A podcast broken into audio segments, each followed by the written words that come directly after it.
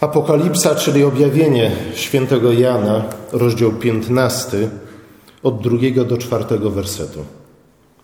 I zobaczyłem jakby morze szklane, zmieszane z ogniem, i tych, którzy odnieśli zwycięstwo nad bestią, nad jej wizerunkiem i nad jej znamieniem i nad liczbą jej imienia, stojących nad szklanym morzem, mających harfy Boga i śpiewali pieśń Mojżesza, sługi Boga i pieśń Baranka. Wielkie i zadziwiające są dzieła Twoje, Panie, Boże Wszechmogący. Sprawiedliwe i prawdziwe są drogi Twoje, o Królu Świętych.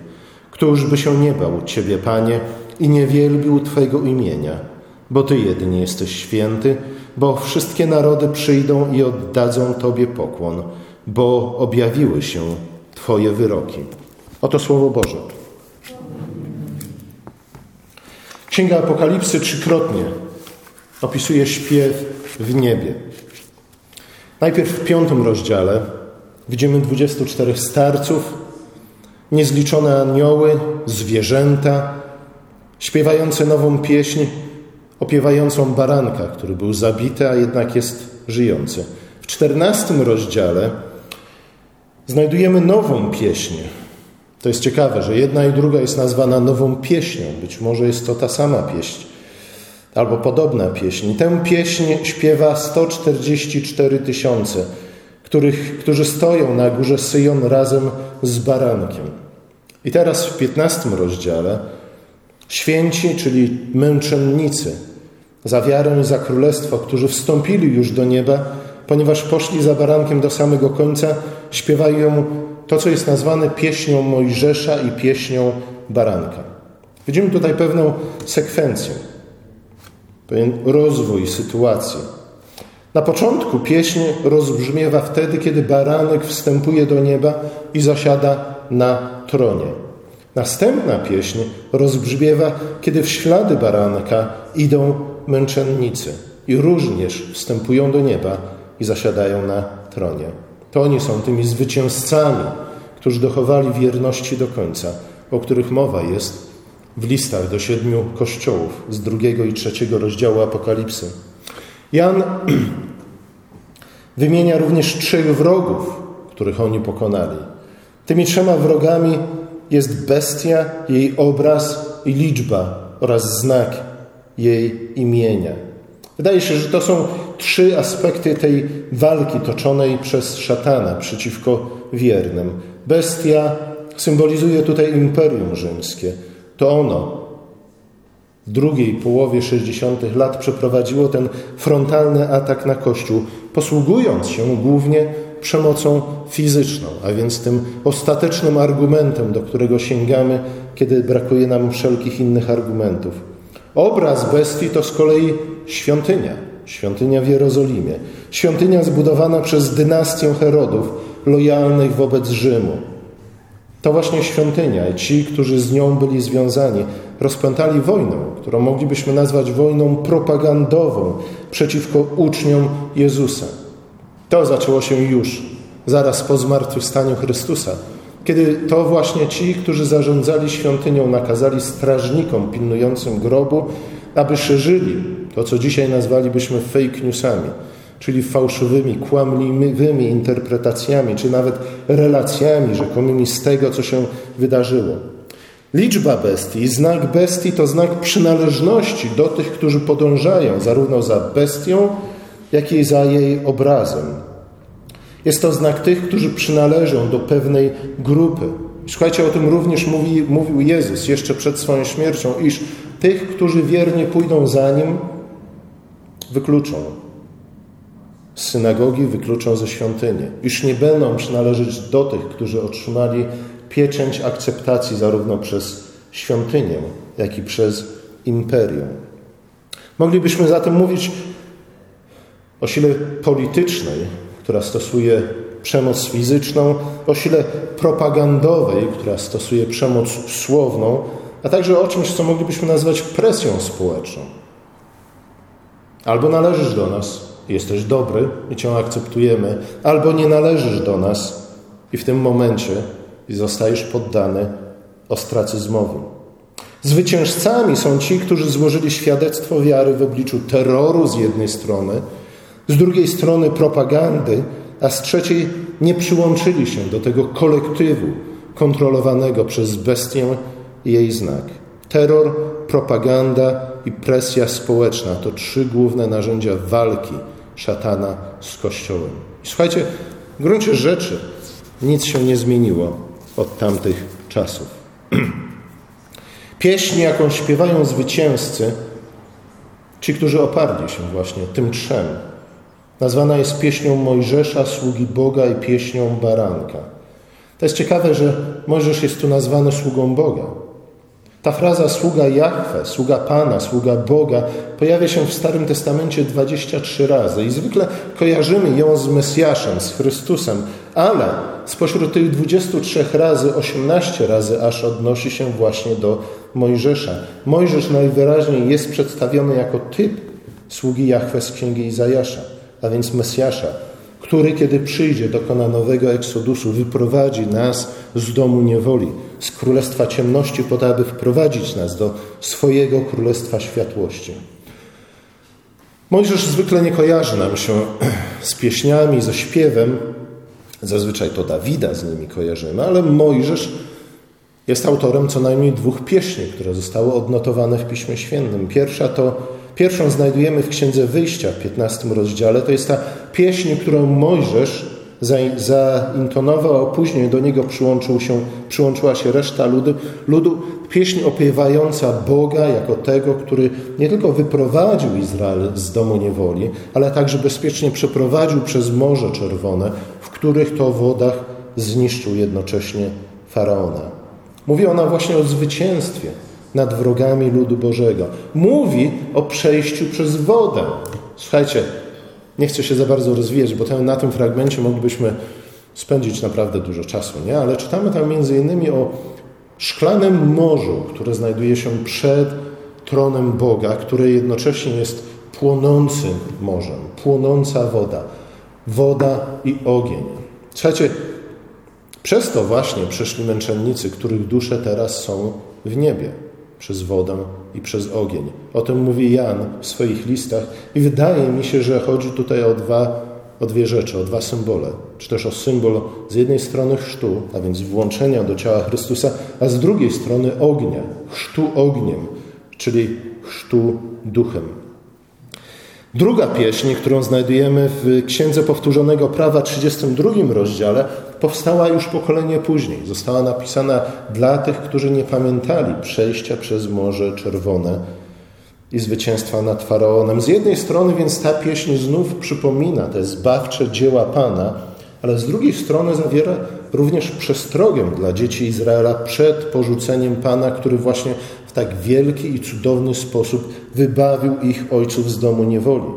Tam znajdujemy przestrogę że jeśli lud odwróci się od swojego zbawcy, wtedy doświadczy plag, które spadły na Egipt.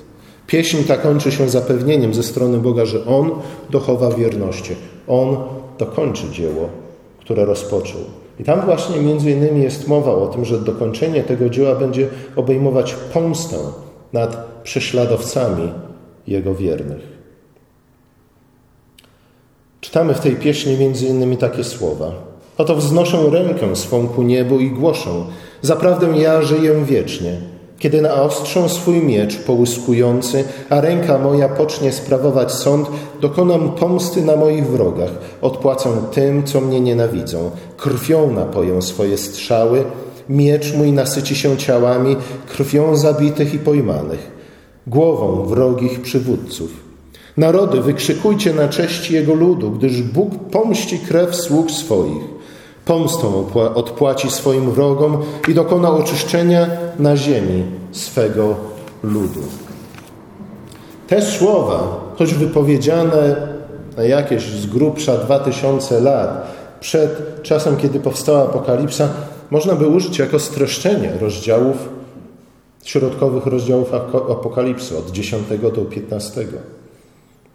Ze względu na to, że właśnie te rozdziały opisują coś, co bardzo przypomina słowa z pieśni, z tej drugiej pieśni Mojżesza, co pewnym sensie sugeruje, że to, co nazwane jest pieśnią Mojżesza i pieśnią Baranka, jest tak naprawdę jedną i tą samą pieśnią, ze względu na to, że Chrystus jest tym nowym, większym, lepszym Mojżeszem, a Eksodus, wyjście z domu niewoli, które on, którego on dokonał, jest większym wyjściem niż to z Egiptu.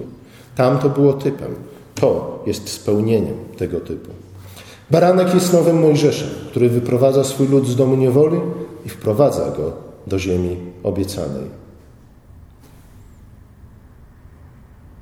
To z grubsza, jeśli chodzi o treść tej pieśni i jej okoliczności, a myśl, ale myślę, że dzisiaj właśnie ze względu na to, że mamy niedzielę kantatę, warto się zastanowić nad, nad pieśnią jako taką, a szczególnie nad funkcją, jaka jaką ona pełni. Czy ta pieśń jest tylko i wyłącznie wyrazem wdzięczności i radości, uwielbienia, czci, ewentualnie przestrogą, czy może jest czymś więcej?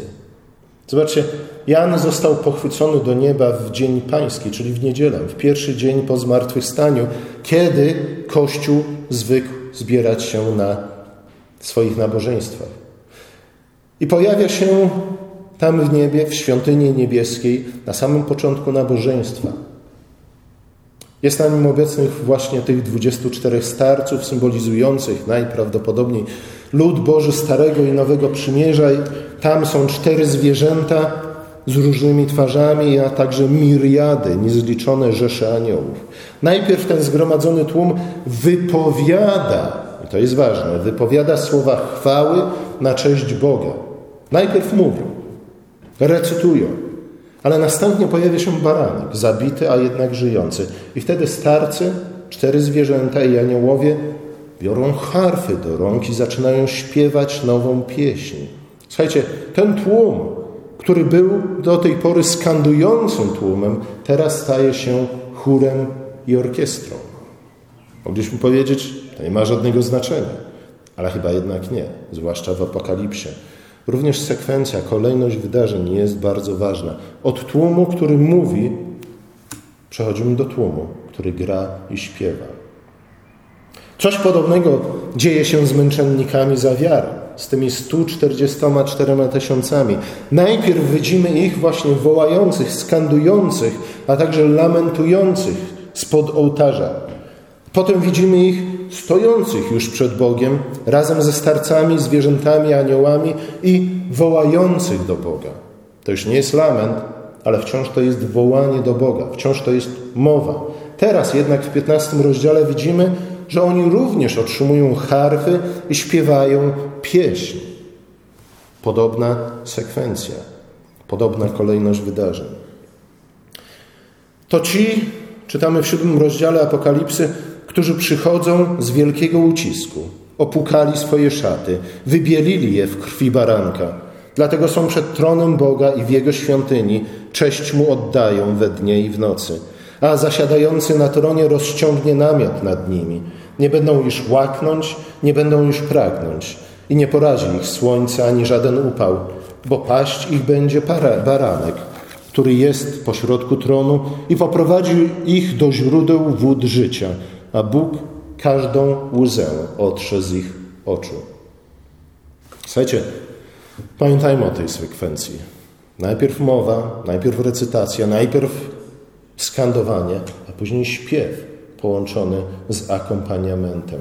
Słuchajcie, wydaje się, że, że ta pieśń przy akompaniamencie muzycznym jest nie tylko ogłoszeniem zwycięstwa, jest nie tylko podziękowaniem Bogu i uwielbieniem Go za zwycięstwo, za zbawienie, jakie otrzymali.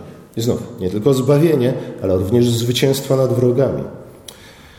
Pamiętajmy, przypomnijmy sobie tak pokrótce, gdzie śpiew i gdzie również muzyka, czyli akompaniament, pojawiają się w Piśmie Świętym.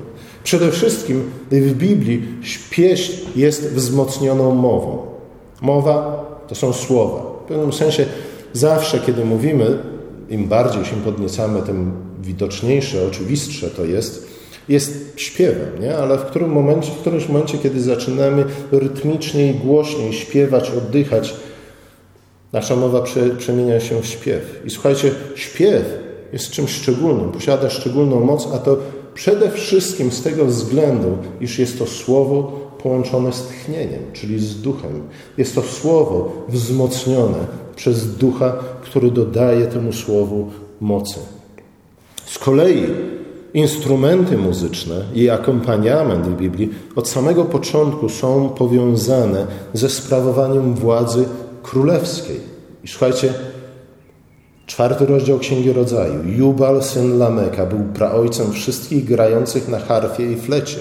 Ja wiem, że oni korzystali z tych instrumentów w zły sposób, dla złych celów. Niemniej jednak od samego początku instrumenty w Piśmie Świętym, zwłaszcza harfa, pojawia się w kontekście dworu królewskiego i władzy królewskiej. I oczywiście to wszystko zbiera się, skupia się w osobie Dawida, gdzie, w którym widzimy króla, który w, jednym, w jednej ręku trzyma miecz, a w drugim harfę. Słuchajcie, akompaniament muzyczny również był tym, co towarzyszyło zazwyczaj, o ile nie zawsze, koronacji każdego króla. I moglibyśmy powiedzieć, ach, to jest tylko taki ozdobnik, żeby było fajniej. Nie, nie. Zaraz wyjaśnię Wam dlaczego. Psalmie 144 czytamy tam o, jest to psalm Dawida, który na początku samym prosi Boga o to, aby zaprawił jego rękę, ręce do walki i jego palce do bitwy. I tutaj oczywiście myślimy od razu o mieczu, o łuku, o dzidzie, ewentualnie o procy albo czymś podobnym, ale później w dalszym, chyba w dziewiątym wersecie tego psalmu, Dawid mówi o broni, która jest o wiele skuteczniejsza niż miecz i łuk. Mówi o jego palcach, które są zaprawione do gry na harfie. Nawet Dawid sam postrzegał w harfie nie tylko instrument muzyczny, ale przede wszystkim narzędzie walki. W ten sposób Dawid uwolnił Saula od dręczącego go złego ducha. Pierwsza księga Samuela, szesnasty rozdział. W drugiej, w drugiej księdze kronik, w dwudziestym rozdziale, znajdujemy podobną historię, ale na o wiele większą skalę. Tam po ataku Amonitów i Moabitów król Jozafat nie wie, co ma robić. Prosi Boga o radę. I wtedy posyła w końcu w stronę obozu Amonitów i Moabitów swoje wojska, ale na czele tego wojska idą właśnie muzycy, którzy grają i śpiewają pieśni na cześć Pana. I co się okazuje? Że kiedy docierają już do obozu Amonitów i Moabitów, nie ma z kim walczyć. Jedyne, co im pozostało, to pozbieranie łupów. Słuchajcie, śpiew, a zwłaszcza śpiew przy akompaniamencie muzyki, jest przedstawiony w Biblii jako oręż walki z siłami ciemności, harfa i pieśń. I podobnie też męczennicy, którzy ostali się przed atakami, pod atakami szatana, którzy nie wyparli się wiary, którzy dochowali wierności Chrystusowi do końca, teraz otrzymali do swoich rąk nowy oręż, a mianowicie harfę.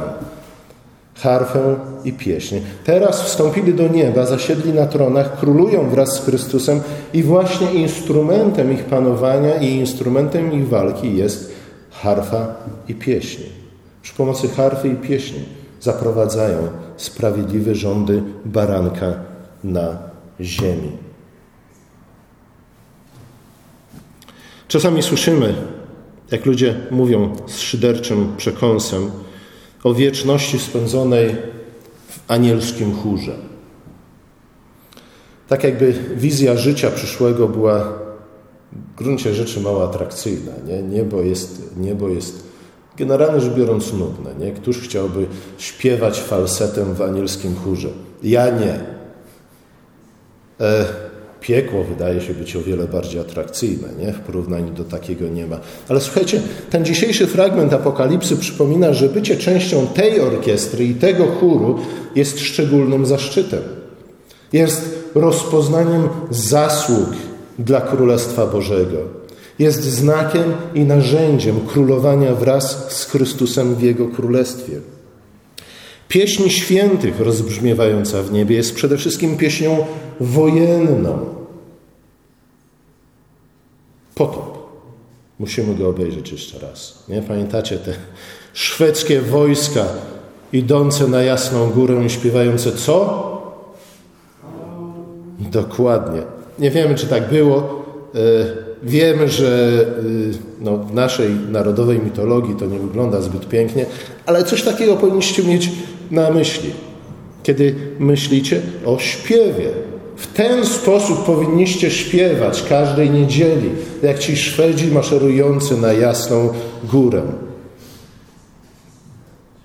Pieśń świętych to przede wszystkim pieśń wojenna. Co więcej, ona nie tylko zagrzewa nas do boju, ale ona jest orężem do walki z siłami ciemności.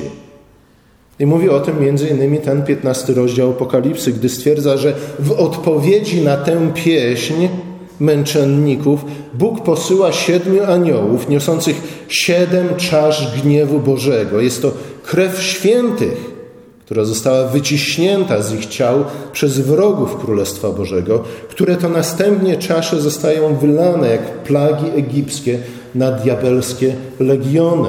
To jest ten obraz. A słuchajcie, wszystko zaczyna się. Oczywiście wszystko zaczyna się przy stworzeniu świata, ale, ale tu w tym kontekście wszystko zaczyna się od tego, że ci, którzy dochowali wierności Bogu, przeszli przez sąd, przeszli przez wodę i przez ogień, teraz śpiewają i grają. I to jest narzędzie panowania i walki i sądu. Słuchajcie znów, to nie jest nowa koncepcja. Psalm 144 jest jednym z tych miejsc, gdzie powinniśmy się udać żeby zrozumieć to, w jaki sposób instrument i śpiew mogą być i są rzeczy samej, nie tylko wzmocnionym słowem, ale orężem skuteczniejszym niż miecz i łuk. I może właśnie dlatego Paweł w liście do Efezjan, czy też w liście do Kolosan, którego fragment przed chwilą czytaliśmy, mówi o tym, że walczymy przeciw, nie przeciwko ciału i krwi, lecz przeciwko władcom świata ciemności, przeciwko złym duchom. Z takimi szeregami wrogów. O wiele skuteczniejsza jest pieśń chwały niż miecz i łuk. List do Hebrajczyków przypomina nam o tym, iż każdej niedzieli mamy przywilej przyłączenia się do tego niebiańskiego chóru i orkiestry, nie zapominajmy o tym, aby razem z nim śpiewać tę bitewną pieśń baranka na pochybel diabłu i jego poplecznikom.